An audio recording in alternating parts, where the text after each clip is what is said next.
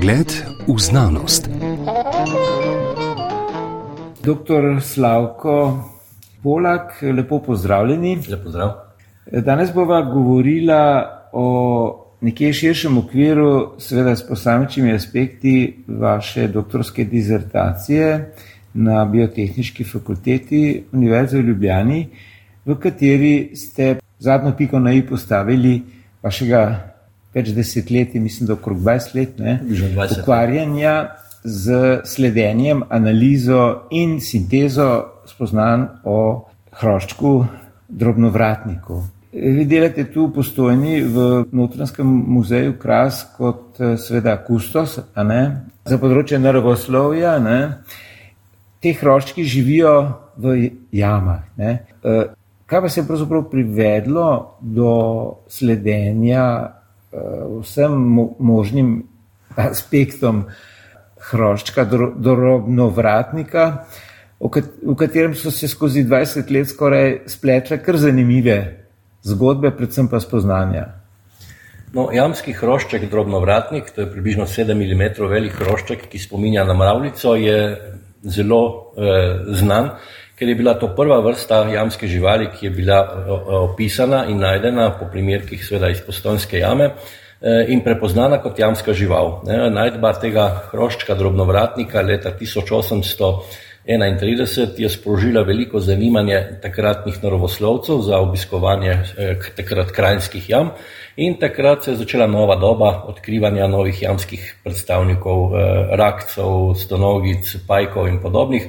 Zato pravimo, da je postojna na nek način zibelka speleobiologije vede, biološke discipline, ki proučuje jamsko živalstvo. Seveda ta hrošček drobnovratnik ni samo ena vrsta, ampak ima tudi veliko sorodstvo, najbolj, kot seveda najbolj znan, največji. No, danes vemo, da je ta skupina drobnovratnikov sorodnih hroščkov, ki jim pravimo podzemljari, razširjena zlasti v tem severnem delu sredozemskega bazena, nekaj malega tudi do Male Azije in do severnega Irana. No in trenutno je približno tisoč vrst opisanih v znanosti. Večinoma sorodniki tega drobnovratnika so večinoma jamske živali, ki živijo globoko v jamah, so endemiti manjših kraških območij, zato je pestrost tako velika. E, imajo pa tudi nekatere sorodnike, ki živijo v gozdni steli, pod kamni, v zemlji, no in ti so nekoliko bolj mobilni, imajo nekateri še oči in se lahko tudi v prostoru širše gibljajo, zato imajo njihove e, areale nekoliko širše.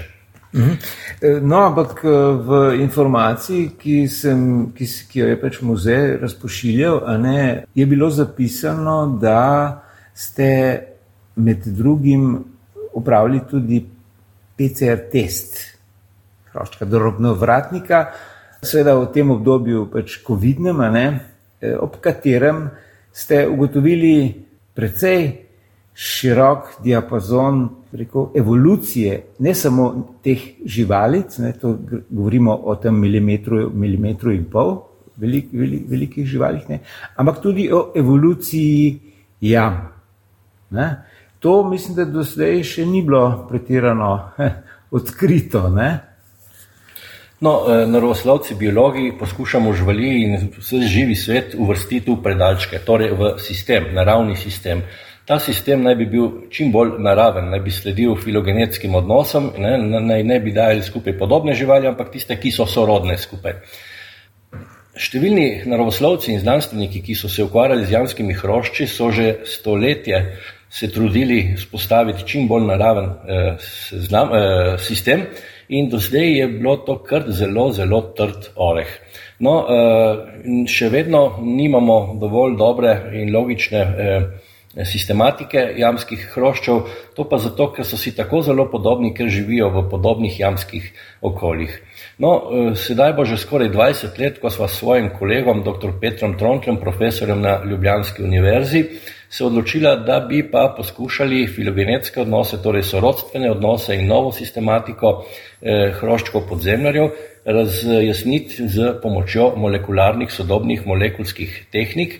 No in to je ena od teh je PCR test, torej eh, to je ciklična reakcija s polimerazo PCR, ki je danes slehrnemu slovencu poznana zgolj zaradi tega, ker smo se zadnje par let soočali z COVID krizo in seveda ta eh, molekularni test PCR je bil tak najbolj zanesljiv. Pravimo, ne, ker je to molekularna tehnika, je izjemno zanesljiva, 100% eh, pri diagnostiki določenih organizmov in s to metodo PCR testov smo si pomagali pri raziskavah filogenetskih odnosov celotne skupine. No, ampak eh, to glede evolucije jam, eh, sem prej eh, pod vprašanje na koncu postavil, se mi zdi zanimivo. Ne? Torej, da preko evolucije upogleda v preteklost, v filogenezo, če hoče, ne? teh malih živalic, odkrivaš, kaj se v jamah dogajalo, to se pravi v kamnini. Torej, seveda, eh, vrsto let se ukvarjamo s temi molekulskimi metodami analize sorodstvenih odnosov in prišli smo do izjemno zanimivih, nenavadnih ugotovitev. Namreč prej smo stavili skupaj podobne živali in je bila sistematika sicer logična, ampak eh, ko smo postavili njihove distribucije, je bilo to eh, točkovno razpršeno po celi Evropi. No, na osnovi naših rezultatov, na osnovi analize molekul DNK z temi PCR testi, smo ugotovili, da je sistematika bistveno drugačna, na nek način na začetku težko, težko razumljiva, pa vendarle, ko smo te naše podatke dali na zemljevid, so se lepo poklopile recimo območja, geografska območja, kot recimo severni dinaridi, južni dinaridi, Karpati, Južne Alpe, Pireneji in druga gorovja, kar kaže, da so te skupine živali imele nenavaden dolg razvoj, kjer so se neodvisno, sedaj vemo, da že približno 30 milijonov let neodvisno razvijali v različnih območjih krasa. No, eh, seveda v teh območjih so razvili vse različne oblike, od tistih majhnih okroglih do tistih zelo podaljšanimi antenami, nogicami in podobno. No, in eh, čaka nas seveda še veliko dela, da bomo tudi na osnovi morfoloških znakov eh, spostavili novo sistematiko te skupine. No, ugotovili smo, da so, se, da so ti hroščki evolucijsko na nek način še celo starejši od gorovi, Eh, ne, in da v bistvu so eh, da s pomočjo analize razširjenosti skupin, rodov, eh, večjih skupin teh živali, lahko tudi pojasnimo orogenezo, torej nastajanje samih gorovi. Ne? Tako da uh, tukaj odpira nova področja in doslej smo vedno biologi prosili geologe za pomoč pri razlagi geografskih vzorcev. Sedaj je tisti moment, ko biologi z molekularskimi tehnikami, ki so stoprocentne, lahko pomagamo celo geologom pojasniti orogenezo in nastajanje kraških območij. No, menili ste Pirenejsko gorovje, kjer je tudi razširjen, ne, predvsem ta severni Mediteran, pa pač ta nekje do enega dela Azije.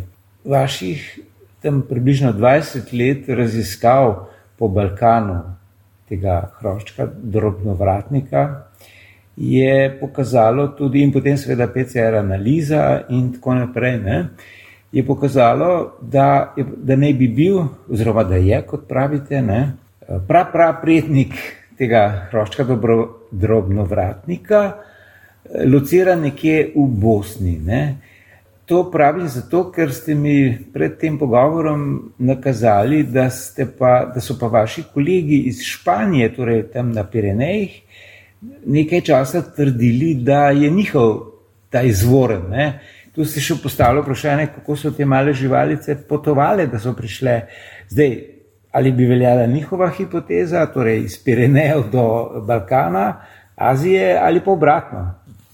No, nismo samo eh, naša skupina, ki se ukvarja s filogenijo teh hroščkov podzemljarjev, vendar je to skupina razširjena po celi um, severnem delu sredozemskega bazena. Tukaj imamo nekaj skupin v Barceloni, eh, v Parizu, v, v Milanu, no vendar pa. Uh, kolegi iz Barcelone so objavili eh, filogenijo tega zahodnega, eh, zahodnih skupin eh, jamskih roščov podzemljarjev, no in prišli do hipoteze, da je ena od teh, ki ima še vedno oči ohranjene, tista najstarejša in da je izvorna, iz katerega naj bi se razširilo po celi Evropi, prav iz tega iberskega polotoka.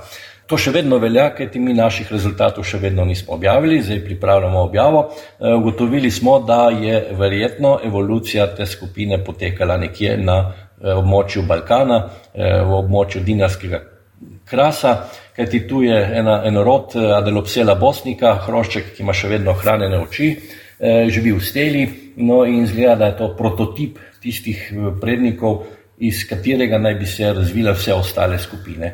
Ker so ti hroščki, ker še vedno živijo v steli, so malo bolj mobilni, se lahko tudi po tej gozni steli premikajo, no in verjetno so v neki geološki zgodovini njihovi predniki osvojili celo Evropo in potem zaradi klimatskih sprememb, zaradi aridizacije, torej zaradi suševanja, pa seveda kasneje tudi zaradi poledenitev, dobili območja, na katerih uspevajo in so preživeli še dan današnji eh, eh, čas. Eh, vsi njihovi površinski predniki so pa verjetno nedvomno tudi izumrli.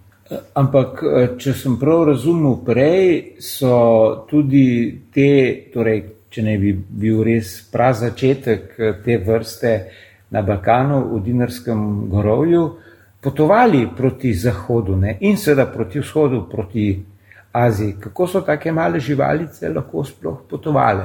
No, to se je težko predstavljati v, tako, z današnjimi očmi, pa vendarle, če se ta hrošček, če živi v gozni steli in če vsako leto prepotuje po gozni steli nekaj eh, deset metrov, se to v stoletjih nabere toliko kilometrov, v tisočletjih, milijonih let, tako da to ni noben problem eh, prideti eh, enemu hroščku v milijonu let iz enega konca celine na drugega.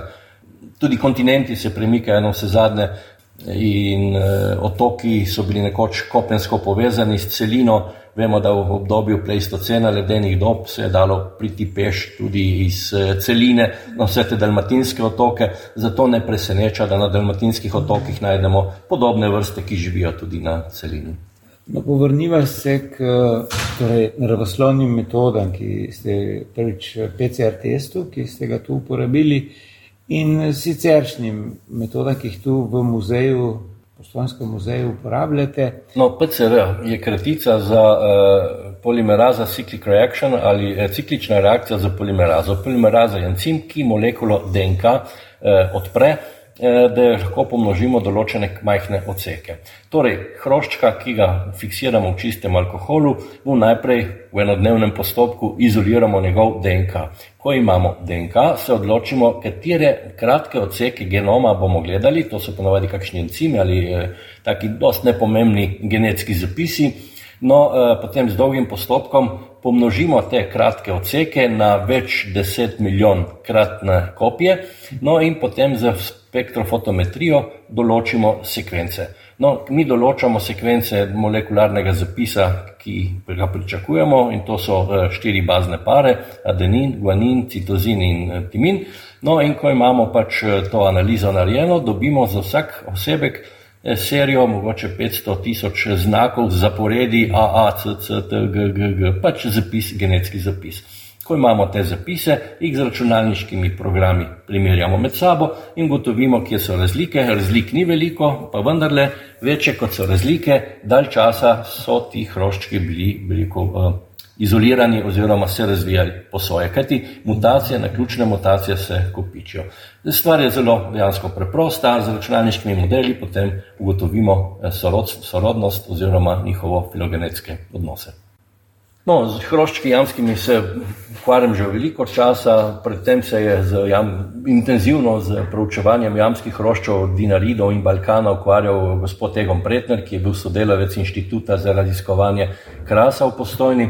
No in Egon Pretner je zbral izjemno veliko zbirko primerkov iz celotnega Balkana, žal pa eh, iz teh suho prepariranih eh, primerkov v starih muzejskih zbirkah, recimo temu zaprašenih zbirkah, je zelo težko, je teže izolirati eh, celotno DNK, ki bi jo rabili za naše PCR teste.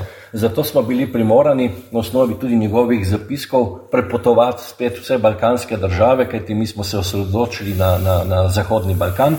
Eh, in iskati eh, nove, sveže primerke, ki jih fiksiramo v čistem alkoholu, zato da je potem izolacija molekule DNK lahko tako kvalitetna. Sicer se da tudi iz zbirk vedno bolj s določenimi, bolj kompliciranimi metodami izolirati DNK, vendar so to dražji postopki in nam je bilo lažje iti po terenu in nabrati seveda ta tipski material. Tukaj smo se soočali seveda tudi s težavami, kajti o nekaterih vrstah ni podrobnih zapisov, kje živijo, tako da so znani samo po nekaj primerkih, pa vendarle nam je uspelo zbrati set rodov, skoraj 90% obstoječih rodov in pri tem seveda smo imeli tudi zanimive pripetljaje pri raziskavah, pri iskanju jam in tudi veliko dobrih prijateljev, s katerimi smo, smo sodelovali. Ne mara naštejete kakšnega reprezentativnega? Kaj dogodek ali? Dogodek, pripetljaj.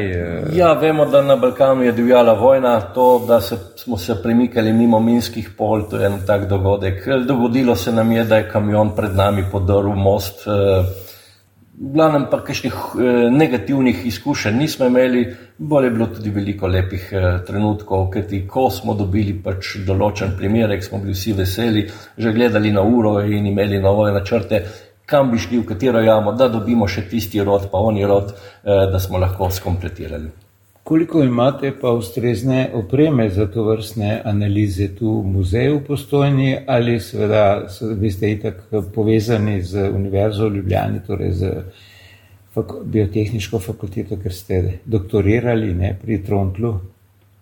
Jaz v Notanskem muzeju sem edini biolog, tako da nimam možnosti tukaj laboratorijskega dela v tem smislu.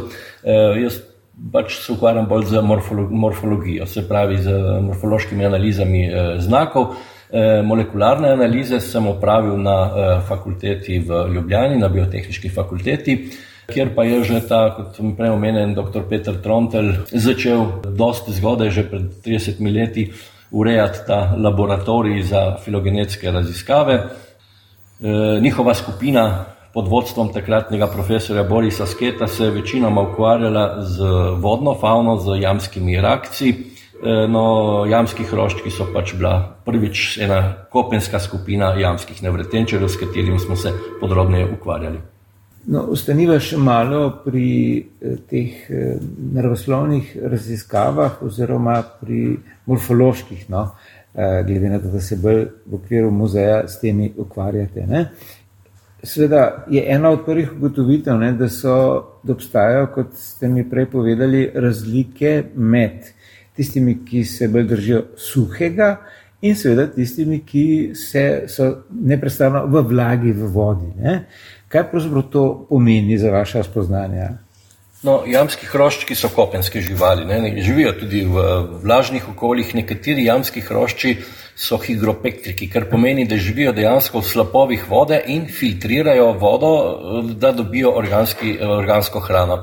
Vendar še vedno jih štejemo med kopenske jamske nevretenčarje. Zelo velika skupina jamskih nevretenčarjev so pa vodni, akvatični, to so v glavnem rakci, kot so razne postranice, kot so jamske kozice, kot so človeška ribica nenazadnje, ali pa jamska školjka, ali pa jamski cevkar. No, vzorci razširjenosti teh vodnih nevretenčarjev so povsem drugačni, kot smo ugotovili prvič tudi pri kopenskih, ne, prvič smo naredili analizo, filogenetsko analizo kopenskih nevretenčarjev pri nas za hroščke, da se, da je ta filozofija geografske razširjenosti povsem, da ima povsem drugačne vzorce, kar seveda odpira in zakomplicira potem razlago o orogenezi in nastajanju kraških območij. Kaj konkretno so bila spoznanja o recimo evolucijskem spoznavnem presežku teh drobnovratnikov oziroma teh širše družine? No, čisto na kratko bi tako lahko povedal, da njihovi predniki so pred 30 milijoni let živeli po tem severnem delu sredozemskega bazena. To je tisto obdobje, ko je no, po koncu srednjega zemeljskega veka, ko je v bistvu prišlo do padca meteorita, ko so izumrli dinozauri.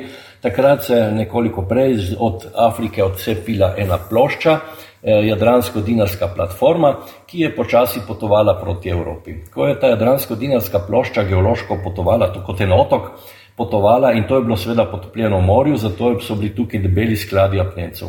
Ko je ta plošča potovala proti Evropi, se je začela narivati v Evropo in takrat so se začele dvigati Alpe, takrat so se začeli dvigati tudi Dinarsko gorovje. Počasi dvigati in to narivanje poteka še vedno, to občutimo kot potrese. Vsi vemo, da smo na, tukaj na Balkanu na kar izredno potresnem območju, to dogajanje se še vedno dogaja. No in zaradi tega narivanja so Alpe tako visoke, prav tako tudi dinaridi ne, se začnejo nekoliko uh, resupinirati, vrteti, tako da se dalmatinska obala pogreza, drugi deli krasa se pa dvigajo. Seveda prek teh apnencov so bile tudi neprepustne plasti peščenjakov, ki seveda pojasnijo določene vzorce. No, tako da danes vidimo, da so ti jamski hroščki na, vsaj na dinaridih se razvijali vsaj dveh ali treh skupinah, ločeno, neodvisno. No, in uh, ko postavimo seveda te uh, razširjenost skupin danes na zemljevid, se lepo vidi, da lahko govorimo o severozahodnih dinaridih, centralnih dinaridih, južnih dinaridih, Eh, no, in seveda z določenim prekrivanjem, in kar tudi je zelo pomembno, torej na območjih stika več različnih faun je pestrost teh živali veliko večja. Ne? In s tem smo tudi pojasnili, zakaj so recimo južni del notranjske ali pa hercegovski kras tako izjemno bogat z jamskimi nevretenčari, ker so to presečne množice različnih faun, ki so se geološko gledano v določenem obdobju eh, na tistem območju eh, skoncentrirale. Zgoraj, če prav razumem, eh, so prav ti hroščki najbolj reprezentativen del za razumevanje evolucije jam, bolj kot vsi drugi organizmi, ki živijo pod zemljo.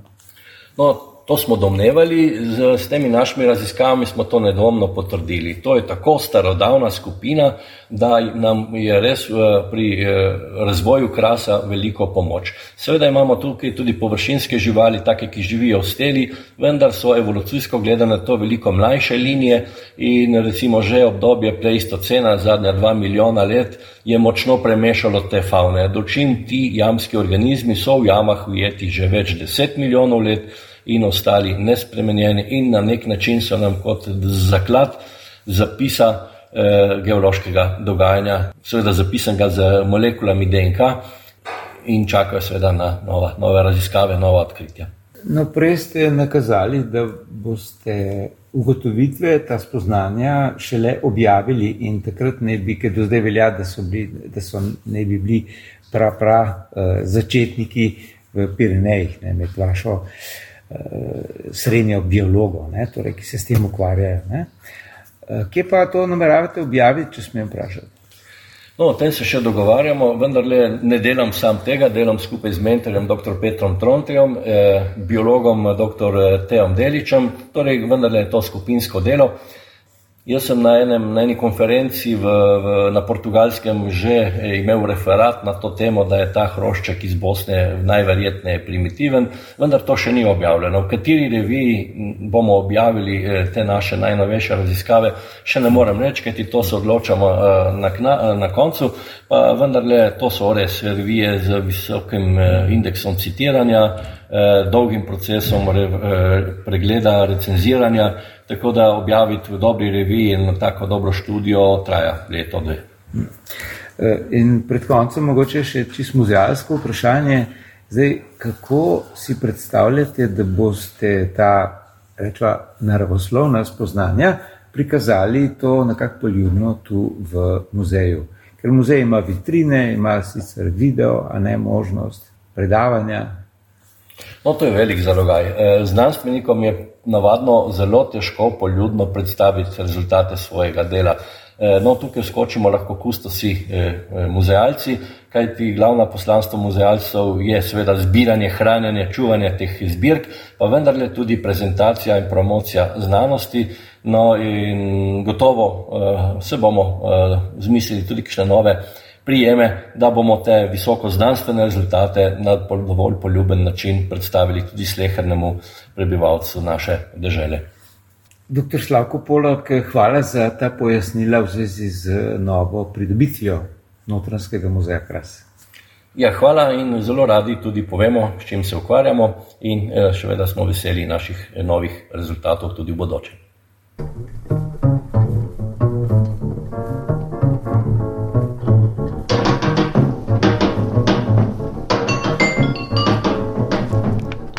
Pogled v znanost.